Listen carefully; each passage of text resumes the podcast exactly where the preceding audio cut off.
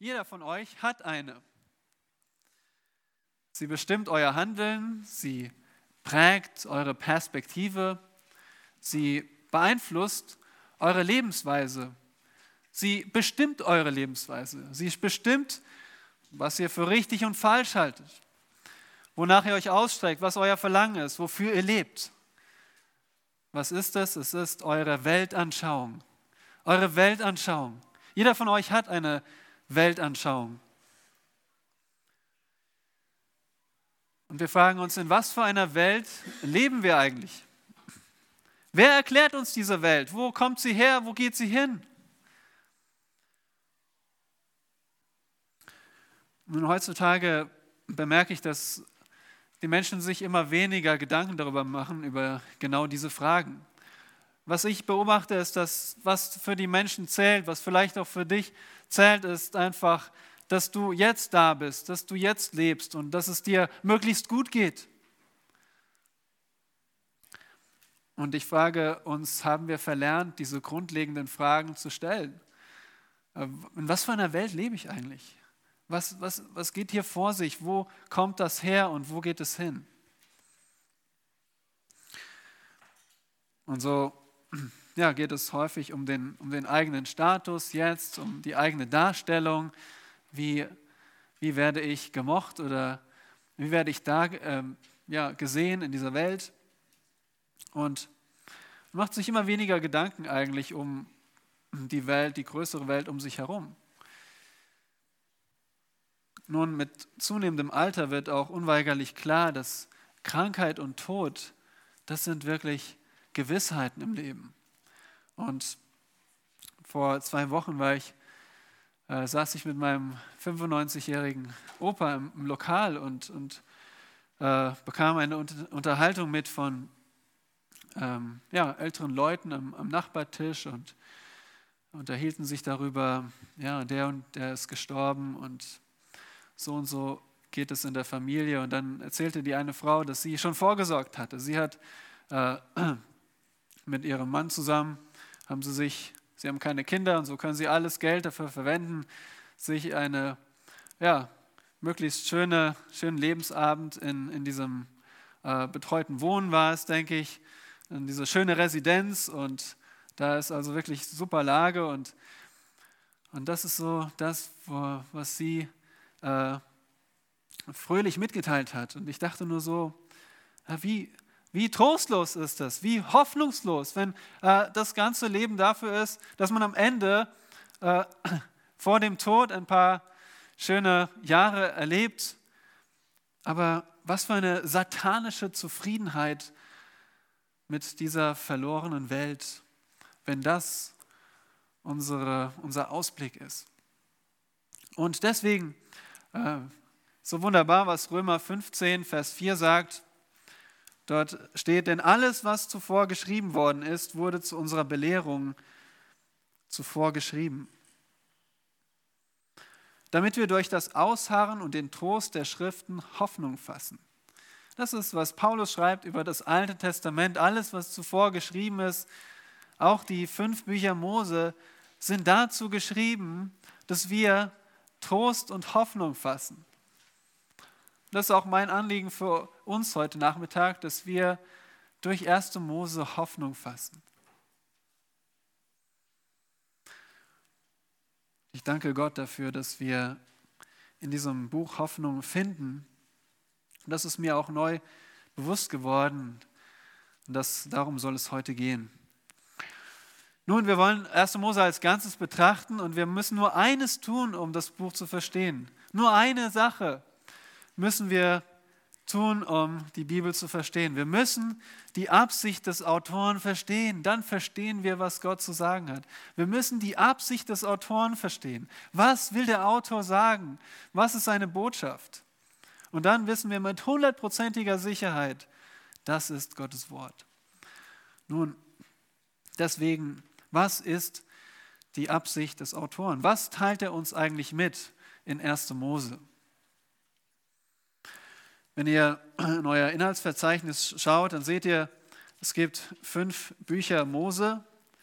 1. Mose bis 5. Mose.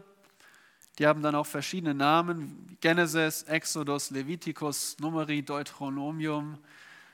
Ursprünglich äh, sind all diese fünf Bücher eigentlich eine Einheit gewesen. Und sie müssen auch als Einheit verstanden werden. Erst nach dem Abschluss des Alten Testaments wurden sie überhaupt getrennt in fünf einzelne Bücher. Und so der allererste Schritt ist, sich zu überlegen, was ist das Thema der gesamten fünf Bücher? Was ist das Thema von 1. bis 5. Mose? In einem Satz, Jahwe hat Israel aus den Nationen erwählt und durch den Bund verpflichtet, damit sie ihm dienen und seine Herrschaft darstellen. Also es geht um Jahwe und um Israel. In 1. Mose sehen wir Gottes Anfang mit Israel. Da nimmt es alles seinen Anfang. Im 2. Mose sehen wir Gottes Erlösung Israels, wie Gott Israel erlöst. Im 3. Mose sehen wir, wie Gott heilig ist, Gottes Heiligkeit gegenüber Israels Sünde. Und 4. Mose zeigt uns Gottes Bewahrung trotz Israels Unglauben. Sie sind in der Wüste und wiederholt sind sie ungehorsam, ungläubig und Gott ist derjenige, der sie in der Hand hält.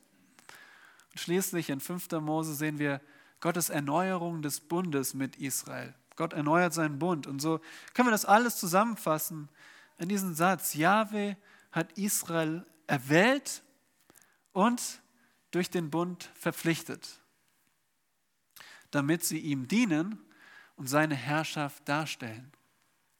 Sie sollen ihm dienen und seine Herrschaft darstellen.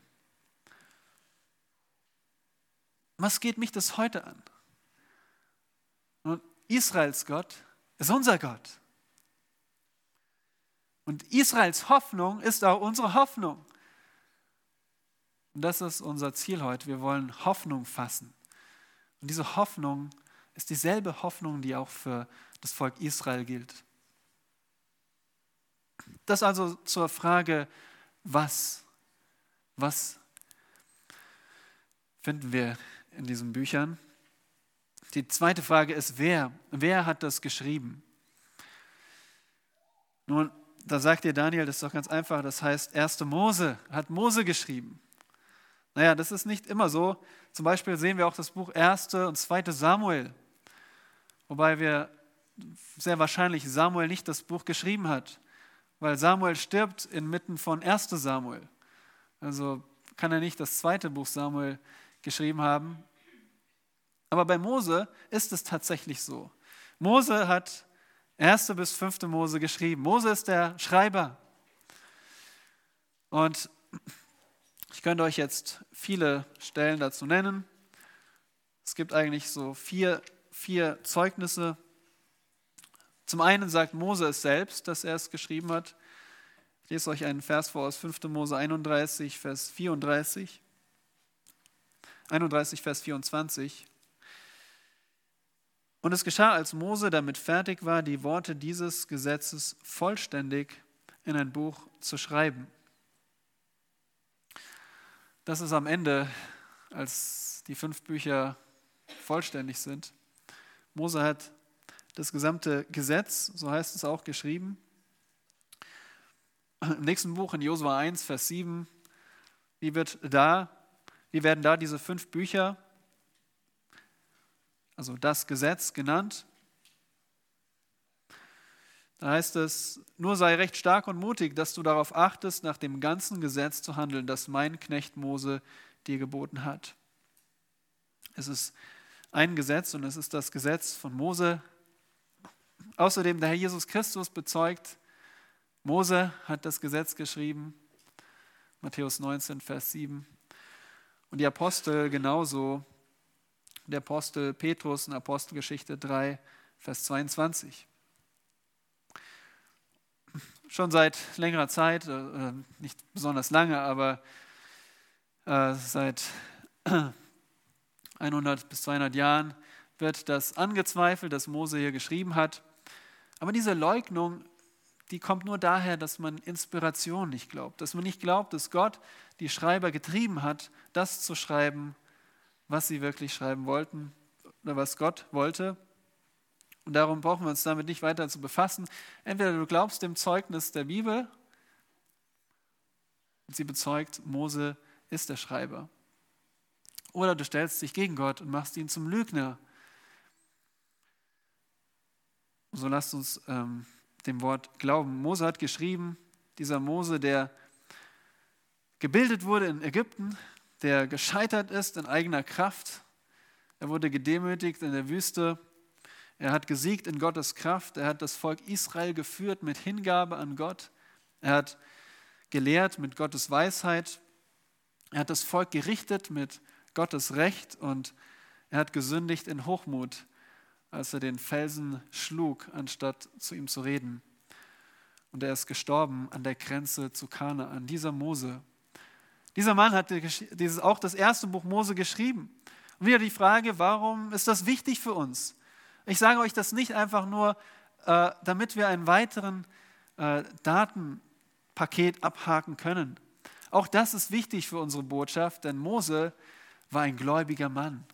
Mose war ein Mann der Hoffnung. Mose war gebildet in Ägypten. Mose hatte alles, was er sich vorstellen konnte. Er war im Königshof. Warum hat er das aufgegeben? Hebräer Kapitel 11 sagt uns, er hat das aufgegeben, weil er sich zu seinem eigenen Volk gehalten hat, weil er diese Hoffnung hatte, dass Gott dieses Volk nicht aufgegeben hat und dass dieses Volk sein Volk ist. Mose war ein Mann der Hoffnung und er hat das erste Buch Mose ebenfalls geschrieben. Wem hat er dieses Buch geschrieben? Nun, das ist einfach zu erklären. Das ist, das wisst ihr, das wurde an Israel adressiert, als das Gesetz auf Hebräisch Torah vollständig war, wurde es nach der 40-jährigen Wüstenwanderung gegeben. Also nach den 40 Jahren Wüstenwanderung hat Mose das vollständige Gesetz dann geschrieben und dem Volk Israel gegeben, verkündigt. Und auch ist es gut möglich, dass 1. Mose schon vor dem Auszug aufgeschrieben wurde oder zumindest verkündigt wurde. Ich stelle mir das nur so vor, denn, denn das ist ja diese, diese große Ermutigung, weswegen Gott zu diesem Volk hält, weswegen Gott sie in ein anderes Land führen will das finden wir alles in 1. Mose und gut möglich, dass ihnen das zu diesem Zeitpunkt auch bekannt war. In jedem Fall richtet sich 1. Mose an ein widerspenstiges Volk. Ein widerspenstiges Volk. Israel als ein wiederholt rebellierendes, widerwilliges Volk. Wer von euch hat schon mal wiederholt gegen Gott rebelliert? Wer von euch war schon wiederholt ungehorsam dem Herrn, der Herrn. Nun, wir Widerspenstigen brauchen es genauso. Wir brauchen auch dieses erste Buch Mose. Und wir brauchen dieselbe Hoffnung, die die Empfänger brauchten. 1. Mose ist also Teil einer größeren Einheit und wir wollen jetzt uns mehr auf das erste Mosebuch tatsächlich konzentrieren. Wir fragen uns, warum gibt es diesen ersten Teil? Warum gibt es erste Mose? Wenn doch Mose zu einer Zeit gelebt hat, als diese Ereignisse schon in der Vergangenheit lagen. Und ja, warum äh, brauchen wir das erste Buch Mose? Erste Mose beantwortet Israel genau diese Fragen, wo, wo kommen wir her? Was ist unser Zweck? Äh, was, was will Gott? Was ist sein Plan mit uns? Und darum können wir das so zusammenfassen. 1. Mose hat folgenden Zweck.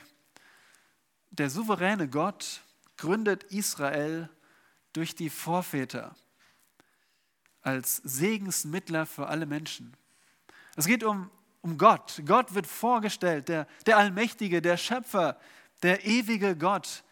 Er ist es, der Israel gründet durch die Vorväter. Er gründet Israel durch Abraham und seine Nachkommen. Und er gründet Israel als Segensmittler für alle Menschen. Gott hat schon in 1. Mose alle Menschen im Blick und will sie segnen. Und das ist so, ja, das ist so, so begeisternd zu überlegen, dass nachdem diese Welt in, gefallen ist in die Sünde, nachdem das Böse in der Welt ist, ist Gott nicht am Ende mit dieser Welt, sondern er, sein Vorhaben kann nicht aufgehalten werden, es kann nicht gestürzt werden. Nicht einmal die Rebellion dieser Welt kann Gott aufhalten. Er, sein Vorhaben kommt zum Ziel. Das ist die Botschaft von 1. Mose. Nichts kann seinen Plan aufhalten und darum gibt es auch heute noch Hoffnung. Und schließlich die Frage, wie? Wie, wie ist 1. Mose strukturiert oder wie, welche Art von, von ja, Buch haben wir hier? Ihr wisst es, es gibt verschiedene Bücher. Ihr geht in den Buchladen und kauft euch entweder ein, ein Buch mit Gedichten oder ihr kauft euch einen Roman, ihr kauft euch ein Geschichtsbuch, ihr kauft euch ein Lexikon und das sind verschiedene Bücher. Und so ist auch 1. Mose eine, eine ganz bestimmte Art und Weise zu schreiben. Es ist nämlich Geschichte. 1. Mose ist Geschichte. Und ich gebe euch jetzt vier Merkmale von Geschichte, damit wir es auch richtig verstehen. Das erste ist, Geschichte ist Erzählung, nicht Allegorie. Geschichte ist Erzählung, nicht Allegorie. Was meine ich damit? Äh, Geschichte ist nicht gedacht, dass wir äh, alles, äh, jedes Element als Symbol verstehen oder ähm, dass da eine versteckte, geheime Bedeutung dahinter steht. Nein, Geschichte ist Erzählung. Sie sagt uns, was passiert ist. Und Geschichte ist bewusst ausgewählt, nicht erschöpfend. Geschichte ist zweitens bewusst ausgewählt, nicht erschöpfend. Also 1. Mose sagt uns nicht alles, was wir über diese Zeit wissen können seit der Schöpfung. Sie ist sehr bewusst ausgewählt. Es werden nur be bestimmte Ereignisse ausgewählt, nämlich die Gott uns wissen lassen will. Und drittens, Geschichte zeigt, was geschehen ist, nicht was hätte geschehen sollen. Und gerne würden wir manchmal Geschichte neu schreiben. Wir würden gerne, wir hätten gerne, dass, dass Adam und Eva niemals gesündigt hätten, aber die Geschichte zeigt uns, was geschehen ist, nicht was hätte geschehen sollen. Und so sehen wir wiederholt Menschen, die sündigen.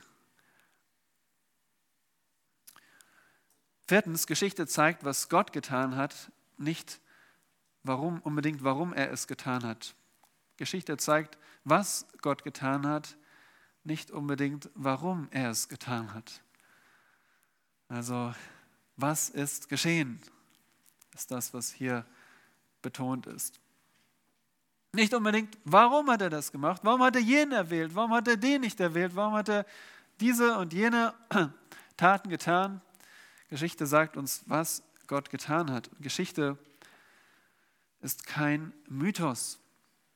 Wisst ihr es, die ähm, Mormonen haben ein Buch, da gibt es, ja, da, da, das Buch Mormon, da wird von, von Stämmen und von Menschen gesprochen und von, von Orten, die, die noch nie jemand irgendwo gefunden hat. Die kann man nicht auf der Karte finden.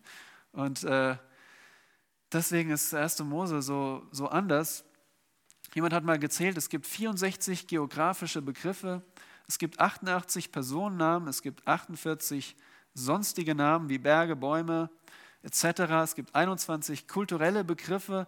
Es ist eine reale Welt, es ist die Welt, die wir äh, heute noch kennen. Es ist eine reale Zeit, ein realer Gott und darum auch reale Hoffnung. Es ist eine reale Welt und ein realer Gott, eine reale Hoffnung, die wir hier finden. Jetzt kommen wir schon immer näher unserem Überblick, den wir gleich machen werden in dem Buch.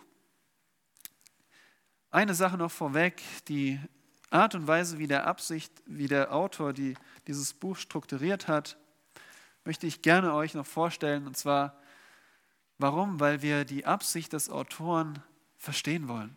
Dann können wir das Buch verstehen. Schaut mal in 1. Mose 2, Vers 4. 1. Mose 2, Vers 4. Da heißt es, dies ist die Entstehungsgeschichte der Himmel und der Erde, als sie geschaffen wurden. Dies ist die Entstehungsgeschichte. Vielleicht heißt es in eurer Bibel auch anders. Die Schlachter 2000 sagt Geschichte. Luther 84 sagt, so sind geworden. Oder eine englische Übersetzung sagt Generationen. All diese Worte übersetzen ein hebräisches Wort, das auch einfach auszusprechen ist. Das heißt Toledot. Toledot, oder? Versucht es mal. Toledot. Ist einfach. Und dieses Wort Toledot kann, er bedeutet eigentlich hervorbringen, kommt von dem Verb hervorbringen. Und ja, es kann, es kann so etwas wie Geschlechterfolge bezeichnen. Und es kommt hier insgesamt, gibt es elf sogenannte Toledots. Ihr seht das auf dem Gemeindeblatt in dieser Tabelle. Es gibt einmal eine Einleitung in das Buch und elf von diesen Toledots. Und äh, diese Toledots beginnen häufig mit tatsächlich einer Geschlechterfolge, einem Stammbaum. Und dieser Stammbaum ist wichtig, weil wir sehen in 1. Mose, dass der Segen auf den nächsten Nachkommen übertragen wird. Stammbäume sind wichtig in 1. Mose, aber es ist nicht alles. Nach diesem Stammbaum folgt in der Regel die Geschichte, die zeigt, was aus einer Person wurde. Deswegen hier in 1. Mose 2, Vers 4 wird uns gesagt, was eigentlich aus Himmel und Erde wurde. Da passt Geschlechterfolge nicht so, wir verstehen das dann nicht so auf Anhieb, deswegen übersetzen hier Übersetzung Entstehungsgeschichte oder Geschichte. Aber es ist dieses Wort, was auch Geschlechterfolge heißt, Toledot. Und diese Toledots, die verengen und verschmälern sich wie in einem Trichter. Ihr kennt einen Trichter, oder? Der, der beginnt erstmal ein bisschen weiter und, und geht dann, läuft dann immer weiter zusammen bis zu diesem äh, Schlauch oder Kanal. Und so ist es auch äh, bei diesen Toledots, bei diesen einzelnen Teilen 1. Mose. Es läuft immer enger zusammen zu einem, einer bestimmten Stammbaumlinie. Und in jedem Teil fällt uns auf, geht es um Segen und Fluch. Segen und Fluch. Und deswegen kommen wir jetzt zu unserem Überblick über das Buch 1. Mose. Wir haben gesehen, es ist einer von fünf Teilen des Gesetzes. Das war das Was. Wir haben gesehen, wer es geschrieben hat, nämlich Mose. Wir haben gesehen, wem er es geschrieben hat, nämlich dem Volk Israel. Und auch warum. Weil Gott Israel als Segensmittler aller Menschen gegründet hat. Und wie hat er es geschrieben als Geschichte? mit einer Einleitung und elf Teilen. Elf Teilen, elf Toledots. Und heute wollen wir Folgendes sehen. Vier Etappen des Segens Gottes. Des Segens Gottes, damit du in der verfluchten Welt Hoffnung fasst. Vier Etappen des Segens Gottes. Die erste Etappe des Segens Gottes ist Gottes Segen geschenkt. Gottes Segen geschenkt.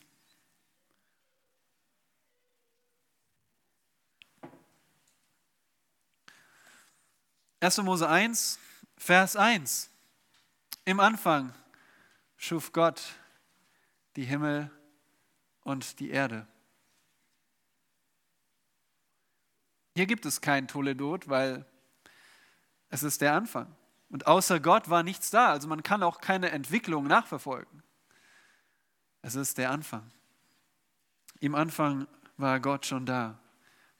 Es gibt keine Erklärung. Wo kommt Gott her? Gott ist ewig. Gott ist in sich selbst genug. Das heißt, es gab nichts außer Gott. Und Gott war und ist immer noch und wird immer sein, vollkommen glücklich, zufrieden in sich selbst. Gott, der dreieinige Gott, der lebendige Gott, Gott Vater, Sohn und Heiliger Geist. Im Anfang war er schon da. Im Anfang hat er geschaffen, die Himmel und die Erde. In 1. Mose 1, Vers 1 schafft er eine ungefüllte Welt. Da ist schon die Erde da, denn hier steht Erde, da ist der Himmel da, der Raum, der Weltraum, aber es ist nicht gefüllt. Es ist noch, wie Vers 2 heißt, die Erde war wüst und leer. Und Finsternis war über der Tiefe und der Geist Gottes schwebte über den Wassern. So Gott will, kommen wir noch einmal in der nächsten Predigt dazu. Hier müssen wir eine Dinge ausschließen. Es gibt keine Lückentheorie. Es gibt kein, keine Rebellion, keinen Sündenfall zwischen Vers 1 und Vers 2. Manche meinen, die Erde wurde wüst und leer, als ob es ein, ein, ein Umsturz, eine, ein Chaos gab und dann wurde die Erde wüst und leer. Nein, die Erde war wüst und leer. Gott beschreibt hier äh, durch Mose den Zustand der Erde, als er am ersten Tag geschaffen hat. Es, es gibt hier keine Sünde, es gibt nichts Unvollkommenes, es gibt keine Rebellion. Es war wüst und leer. Es war, anders gesagt, leer und ungefüllt. Und jetzt beginnt Gott zu füllen. Und Gott erschafft alle Dinge aus dem Nichts an sechs 24 Stunden Tage. Tag 1 bis 3 schafft er erstmal die Umgebung, die Form. An Tagen 4 bis 6 füllt er alles. Ja. Am vierten Tag füllt er den Weltraum mit Sternen, Sonne und Mond. Am fünften Tag füllt er das Wasser, das er geschaffen hat, und die Atmosphäre mit, mit Vögeln und mit Fischen. Und am sechsten Tag füllt er die Erde mit Tieren und Menschen. Die Schöpfung ist ein göttliches Wunder. Vielleicht kommt jetzt jemand und sagt, ja, wie kann man das denn naturwissenschaftlich erklären? Ich sage dir, die Schöpfung ist ein Wunder. Die Schöpfung kannst du nicht naturwissenschaftlich erklären. Sie ist ein Wunder. Es gibt keine wiederholbaren Experimente, wie wir sie in der Naturwissenschaft gebrauchen.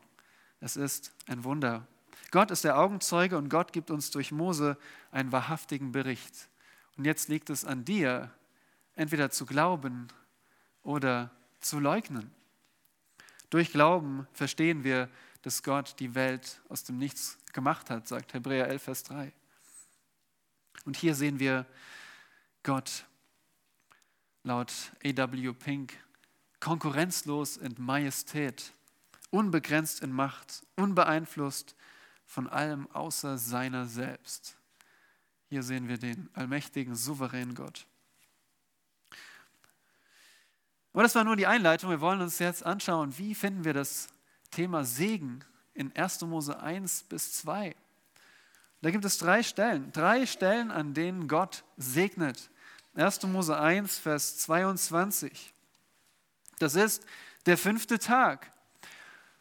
Und Gott segnete sie und sprach, seid fruchtbar und vermehrt euch und füllt das Wasser in den Meeren und die Vögel sollen sich vermehren auf der Erde. Das sind die Tiere im Meer und die Vögel.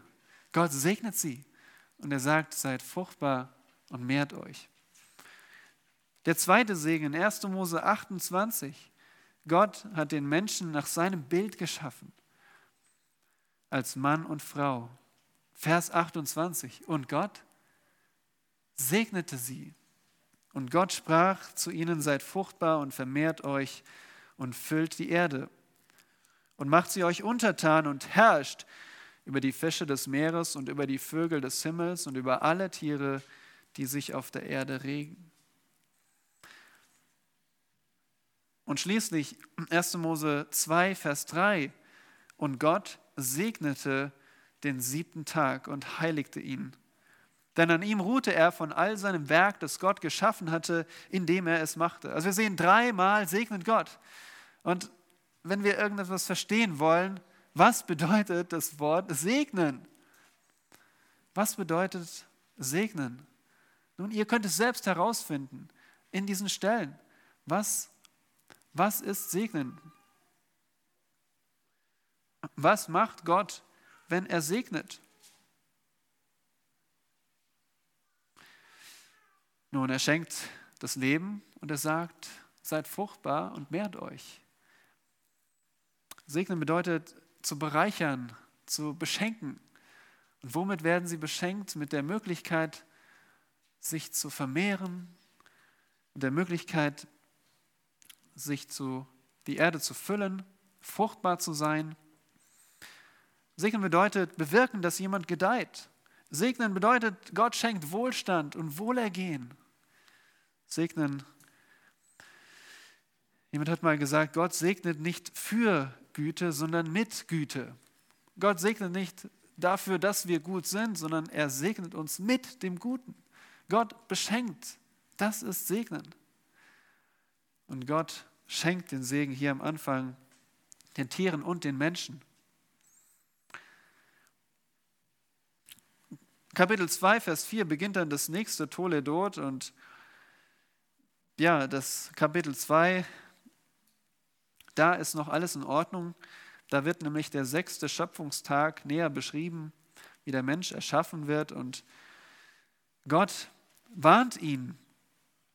Vers 16, und Gott, Jahwe, gebot dem Menschen und sprach, von jedem Baum des Gartens darfst du essen, aber vom Baum der Erkenntnis des Guten und Bösen, davon darfst du nicht essen, denn an dem Tag, da du davon isst, musst du sterben. Gott segnet und Gott warnt vor den Konsequenzen des Ungehorsams. Ungehorsam bringt Fluch. Und Gott warnt davor. Und Gott beschenkt den Menschen mit jedem, jeder Frucht von jedem Baum. Und da, da lernen wir schon die erste, den ersten Aspekt der Hoffnung, nämlich die Grundlage der Hoffnung ist Gott. Worauf setzt du deine Hoffnung? Auf wen setzt du deine Hoffnung? Der Einzige, der es wieder gut machen kann, der Einzige, der uns Gutes und Wohlergehen schenken kann, ist Gott. Er hat es am Anfang getan. Er ist derjenige, von dem alle äh, ja, Ströme des Wohlergehens kommen. Gott ist die Grundlage unserer Hoffnung.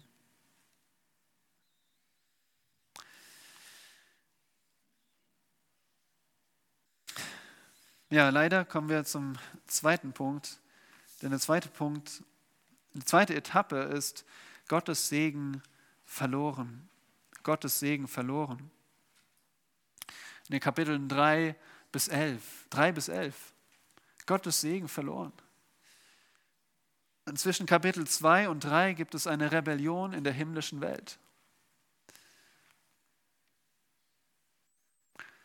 Ein Engel fiel aufgrund von Stolz und wurde zu Satan. Andere Engel fielen mit ihm und werden zu Dämonen. Und ihr fragt euch, wie kann das sein? Ich lese hier nichts zwischen Kapitel 2 und 3. Lass mich es erklären. Gott erschuf die Welt an, an sieben Tagen. Und am Ende sagt er in 1 Vers 31, und siehe, es war sehr gut. Es war sehr gut. Damals gab es keine Sünde und Rebellion. In 3 Vers 1 lesen wir von der Schlange. Und die Schlange war listiger als alle Tiere des Feldes, die Gott Jahwe gemacht hatte. Und sie sprach zu der Frau, hat Gott wirklich gesagt, von allen Bäumen des Gartens dürft ihr nicht essen? Da sagte die Frau zur Schlange, von den Früchten der Bäume des Gartens Essen wir aber von den Früchten des Baumes, der in der Mitte des Gartens steht, hat Gott gesagt, ihr sollt nicht davon essen und ihr sollt sie nicht berühren, damit ihr nicht sterbt. Da sagt die Schlange zur Frau, keineswegs werdet ihr sterben, sondern Gott weiß, dass an dem Tag, da ihr davon esst, eure Augen aufgetan werden und ihr sein werdet wie Gott, erkennend Gutes und Böses. Hier haben wir ein, ein Geschöpf, das zu der Frau redet, Gottes Wort in Frage stellt, lügt und Eva dazu verführt, unzufrieden zu sein. Das hinter der Schlange steht Satan und sein Fall. Sein Fall ist vor Kapitel 3 geschehen. So gebraucht Satan diese, dieses Tier der Schlange, um Eva zur Sünde zu verführen. Die Tragödie ist, Eva, sie sieht, sie begehrt und sie isst von der Frucht. Sie hört auf Satans Wort und verwirft Gottes Wort. Und auch Adam nimmt von der Frucht und isst. Mit einem Mal sind sie von Gott getrennt, geistlich tot. Sie verlieren ihre Freiheit, sie verlieren ihre Stellung äh, als Freunde Gottes. Sie erkennen die, das Böse, die Sünde. Sie werden getrennt von Gott und, und seiner vollkommenen Umgebung. Sie sehen ihre eigene Scham. Sie schämen sich. Sie fürchten sich. Sie sind unverantwortlich geworden. Sie sind schuldig geworden. Und seitdem müssen sie sterben. Seitdem müssen wir sterben. Und in diesem Teil, in diesem zweiten Toledot sehen wir drei Flüche. So wie Gott im ersten Teil dreimal segnet, sehen wir drei Flüche. 3 Vers 11, äh, 3 Vers 14, 3 Vers 14. Und Gott, der Herr, sprach zur Schlange, weil du das getan hast, sollst du verflucht sein unter allem Vieh und unter allen Tieren des Feldes. 3 Vers 17. Und zu Adam sprach er, weil du auf die Stimme deiner Frau gehört und gegessen hast von dem Baum, von dem ich dir geboten habe, du sollst davon nicht essen, so sei der Erdboden verflucht um deinetwillen. Adam und Eva bekommen zwei Söhne, Kain und Abel. Kain erschlägt seinen Bruder. Und Gott spricht zu ihm in 4 Vers 11, und nun verflucht seist du, du Kain, von dem Ackerboden hinweg, der seinen Mund aufgerissen hat, das Blut deines Bruders von deiner Hand zu empfangen. Verfluchen bedeutet wörtlich einen Bann, ein Hemmnis auferlegen. Also Gott, Gott, jetzt, jetzt kommt ein, ein Hindernis zwischen den, diese Geschenk des Wohlstandes, des Guten für die Menschen. Er wird behindert, er wird eingehemmt. Und die Menschen werden vom Segen getrennt. Die Frage ist, ist jetzt alles verloren für uns Menschen?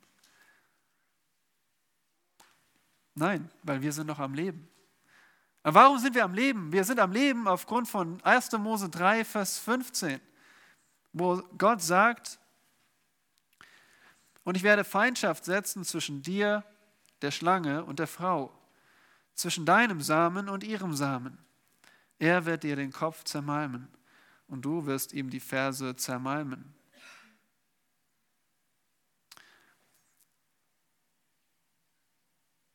Er, ein Nachkomme der Frau, wird der Schlange den Kopf zermalmen. Und du, Schlange, du wirst ihm die Ferse zermalmen. Hier finden wir eine Verheißung auf einen Nachkommen der Frau Eva, einen, einen Nachkommen, einen Menschen, der von Eva abstammt. Und außerdem spricht Gott zu der Schlange, aber er spricht zu Satan, der hinter der Schlange steht. Ja, dieser eine Nachkomme wird dir Satan, dich Satan besiegen. Das ist die Hoffnung.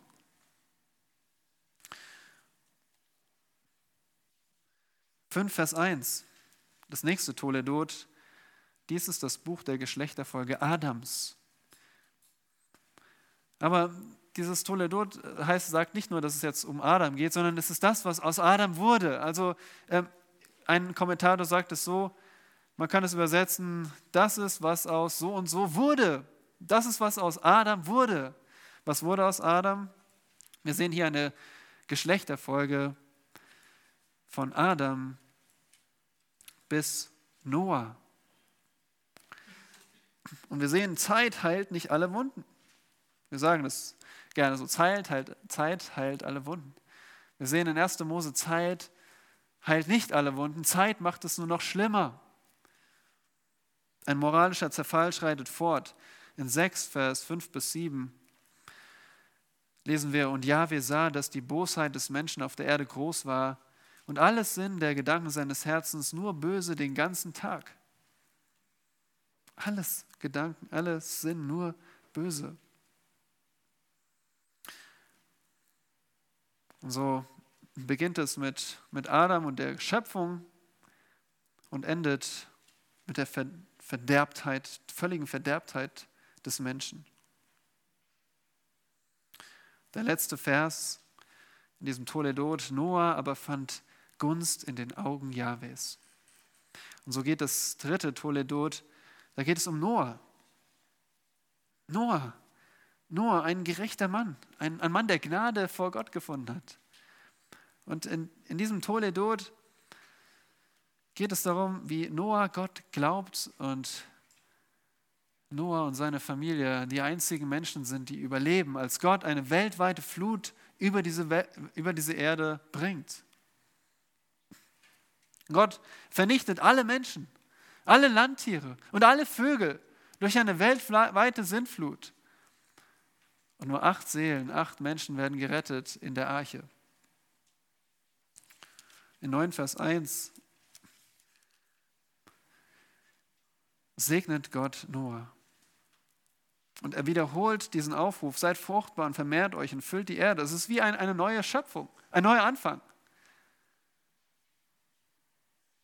Aber wir sehen bald, dass das Herz des Menschen sich nicht geändert hat. Und so endet das Toledot mit einem Fluch. Ein Fluch.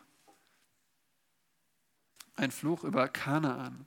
In 9, Vers 25. Und er sprach, verflucht sei Kanaan ein Knecht der Knechte sei er seinen Brüdern. Nein, diese neue Schöpfung, dieser neue Beginn nach der, nach der Sinnflut hat nicht den Segen in Fluch oder hat nicht den, den Fluch beendet. Nein, verflucht sei Kanaan. Das vierte Toledot, da geht es um die Söhne Noahs. Und sie vermehren sich und das erinnert uns an den Segen, den Gott schenkt, als er gesagt hat, seid fruchtbar und vermehrt euch. Und der Ort des Geschehens ist hier der fruchtbare Halbmond.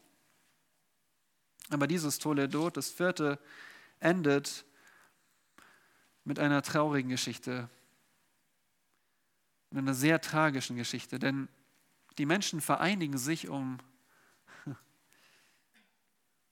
um zu bauen, einen Turm bis an den Himmel. Und Yahweh fährt herab und er sieht, dass, dass sich die Menschen vereinigen, dass sie sündig und verdorben sind und dass sie sich gegen Gott auflehnen, der ihnen gesagt hat, dass sie sich auf die ganze Welt zerstreuen sollen. Und was macht Gott? Wenn die Menschen sich nicht verteilen wollen, dann zerstreut er sie. Wie macht er das? Er verwirrt die Sprache. Das ist der Beginn der Sprachen. Vorher haben sie alle eine Sprache gesprochen, unsere Vorfahren. Zu diesem Zeitpunkt verwirrt Gott die Sprachen und, und Nationen und Völker entstehen durch Sprachen. Weil sie sich nicht mehr verstanden haben, haben sie sich über die Erde ausgebreitet und seitdem gibt es überhaupt Nationen. Und jetzt können wir uns fragen, ist Gottes Beziehung eigentlich zu den Menschen völlig zerbrochen? Sie haben sich gegen Gott aufgelehnt und sie werden über die ganze Erde zerstreut. Und hier sehen wir diese Frage, die jetzt im Raum steht. Ist jetzt, ist jetzt alles aus? Ist jetzt die Beziehung endgültig kaputt? Und an dieser Stelle kommen wir zu dem nächsten Teil, Kapitel 12 bis 50, wo jetzt der Autor so, ja, wie bei einem Trichter sich auf wenige Jahre vergleichsweise konzentriert. Hier aus, dem zweiten, aus dieser zweiten Etappe Gottes Segen verloren. Da lernen wir, warum wir überhaupt Hoffnung brauchen. Siehst du das Bedürfnis nach Hoffnung? Ich meine, wenn du nicht alles die Realität leugnest, dann weißt du, dass wir immer noch unter dem Fluch der Sünde stehen, dass wir immer noch sterben müssen. Und was für, eine, für ein Leid Krankheit und Tod mit sich bringt. Was für ein Leid es mit sich bringt, wenn Beziehungen zerbrechen. So wie bei der ersten Familie, als Kain den Abel tötete und seitdem flüchtig war. Wir brauchen Hoffnung. Und diese Hoffnung schenkt Gott jetzt im nächsten Teil. Im fünften Toledot sehen wir wieder Vermehrung, nämlich den, die Nachkommen von Sem bis zu Abraham, bis zu Abraham, dem Segensträger. Wir kommen zum dritten, zur dritten Etappe. Gottes Segen verheißen. Wir sehen jetzt eine konkrete Verheißung des Segens an einen Mann. Während Kapitel 1 bis 11 ungefähr 2000 Jahre oder mehr waren, sind die folgenden Kapitel 12 bis 50 nur weniger als 300 Jahre lang. Jetzt fokussiert sich der Schreiber auf einen Mann, auf den Stammvater Abraham. Und Jahwe sprach zu Abraham in 12 Vers 1, geh aus deinem Land und aus deiner Verwandtschaft und aus dem Haus deines Vaters in das Land, das ich dir zeigen werde. Und ich will dich zu einer großen Nation machen und ich will dich segnen. Ich will deinen Namen groß machen und du sollst ein Segen sein. Und ich will segnen, die dich segnen. Und wer dir flucht, den werde ich verfluchen. Und in dir sollen gesegnet werden alle Geschlechter der Erde. Gott verheißt einen persönlichen Segen für Abraham. Sein Name soll groß sein. Er verheißt einen nationalen Segen für Abraham, dass er zu einem Volk wird. Und dann verheißt er einen universalen Segen für alle, für alle Menschen. Wir alle sind gemeint. In dir sollen gesegnet werden alle Geschlechter der Erde. Der verlorene Segen, er wird den Menschen verheißen in Abraham. Wir sollten diesen Mann kennen, oder? Wenn durch ihn unser Segen kommt. Wir sollten ihn besser kennen. Abraham war ein Götzendiener. Und Gott hat ihn aus seiner Umgebung herausgerufen. Und das ist so interessant, weil jetzt, wo alle Völker zerstreut sind und die Menschen Gottes fern sind, schafft Gott sich ein, ein eigenes Volk. Warum sollte Abraham weggehen aus seiner Umgebung? Nun, weil letztendlich alle Völker sündig und verloren sind und so wurde Abraham von allen Bindungen seiner Stammeszugehörigkeit gelöst.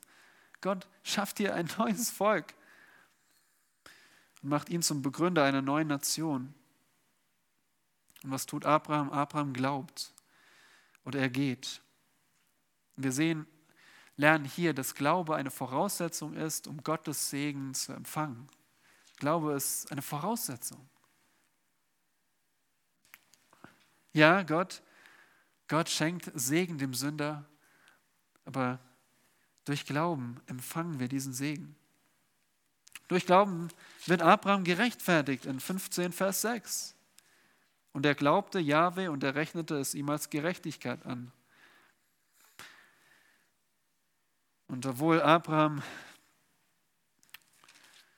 leider immer wieder Unglauben zeigt, dennoch ist Gott treu und Gott überträgt den Segen auf seinen Sohn Isaak. 25, Vers 11. Und es geschah nach dem Tode Abrahams, da segnete Gott Isaak, seinen Sohn.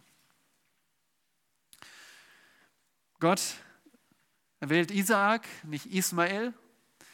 Und der Schreiber zeigt uns jetzt erst, was aus dem nicht gewählten Sohn wurde, bevor er mit dem gewählten Sohn fortfährt. Das siebte Toledot zeigt uns, was aus Ismael wurde.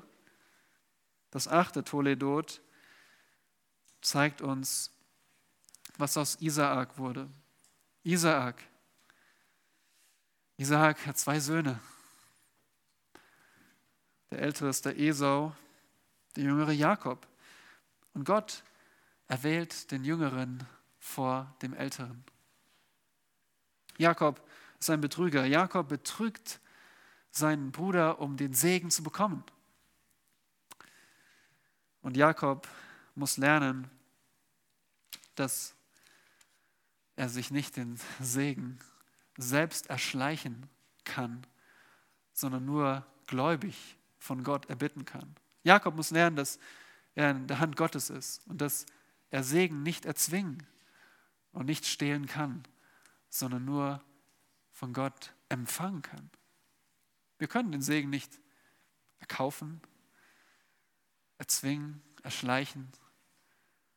Gott schenkt Segen, wenn wir ihn bitten. Das lernt Jakob in 1. Mose 32, als er mit Gott ringt, als er mit Gott kämpft. Und Gott ihn fragt, was ist dein Name? Er sagte Jakob. Jakob heißt Betrüger. Jakob musste sein Wesen offenlegen, sagen, wer er wirklich ist. Und Jakob bittet Gott, der in menschlicher Erscheinung mit ihm ringt, und er bittet ihn, segne mich. Das ist der Inhalt der Hoffnung. Das ist, worauf wir hoffen. Der Segen durch Abraham. Was ist deine Hoffnung, ja? Äh, Segen kommt von Gott, aber Hoffnung kommt von Gott, aber worauf hoffen wir eigentlich? Worauf hoffst du? Den Segen von Abraham. Durch Abraham für alle Völker. Nur durch den Glauben. Nur durch den Glauben können wir diesen Segen empfangen. Das neunte und zehnte Toledo zeigt uns Esau und Esaus Söhne, also wieder der nicht erwählte Sohn Esau. Und dann kommen wir im elften Toledot zu unserer letzten Etappe, zur vierten Etappe des Segens Gottes. Gottes Segen geschenkt. Gottes Segen geschenkt. 37, Kapitel 37, Vers 2.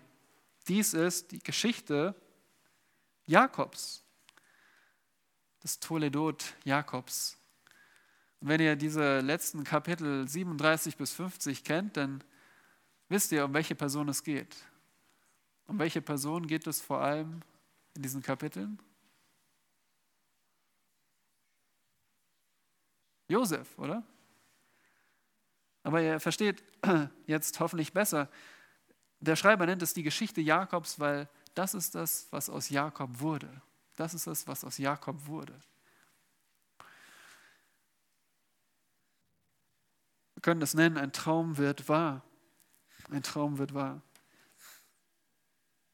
Die Familie Jakobs degeneriert in unmoralischer Umgebung. Es wird immer schlimmer mit ihnen. Abraham baut noch Altäre, Jakob baut weniger Isaak baut weniger Altäre, Jakob baut weniger Altäre und die Söhne Jakobs, die zwölf Söhne, bauen gar keine Altäre. Wir lesen nichts davon.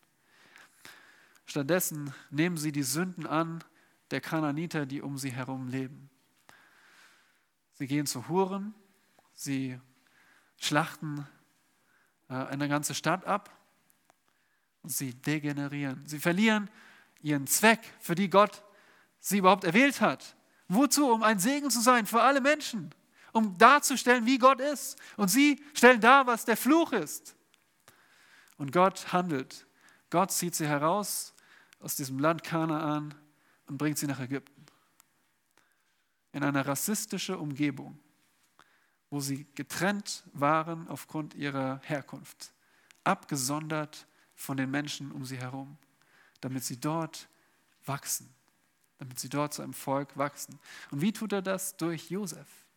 Josef von seinen Brüdern verachtet, wird nach Ägypten verkauft.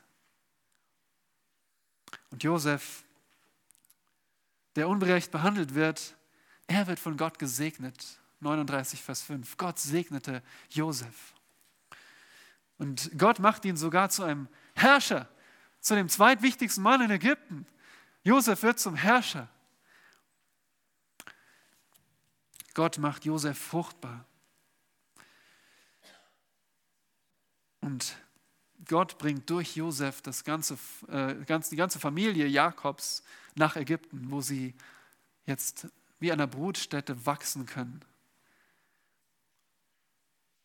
Und das Ende ist so wunderbar in Kapitel 50, Vers 20. Jakob ist gestorben in Ägypten. Und sie trauern um Jakob. Und jetzt,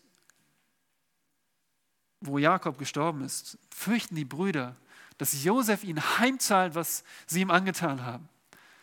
Dass er jetzt Rache übt, weil sie ihn verkauft haben, weil sie ihn so schlecht behandelt haben. Und Josef, der davon hört, als sie sagen, ach, vergib doch das Verbrechen deiner Brüder und ihre Sünde.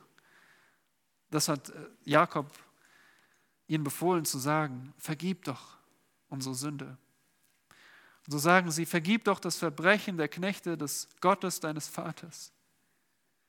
Da weinte Josef, als sie zu ihm redeten. Und auch seine Brüder gingen und fielen vor ihm nieder und sagten, siehe, da hast du uns als Knechte. Vers 19. Josef aber sagte zu ihnen, fürchtet euch nicht. Bin ich etwa an Gottes Stelle? Ich, ihr zwar, ihr hattet Böses gegen mich beabsichtigt. Gott aber hatte beabsichtigt, es zum Guten zu wenden, damit er tue, wie es an diesem Tag ist, ein großes Volk am Leben zu erhalten.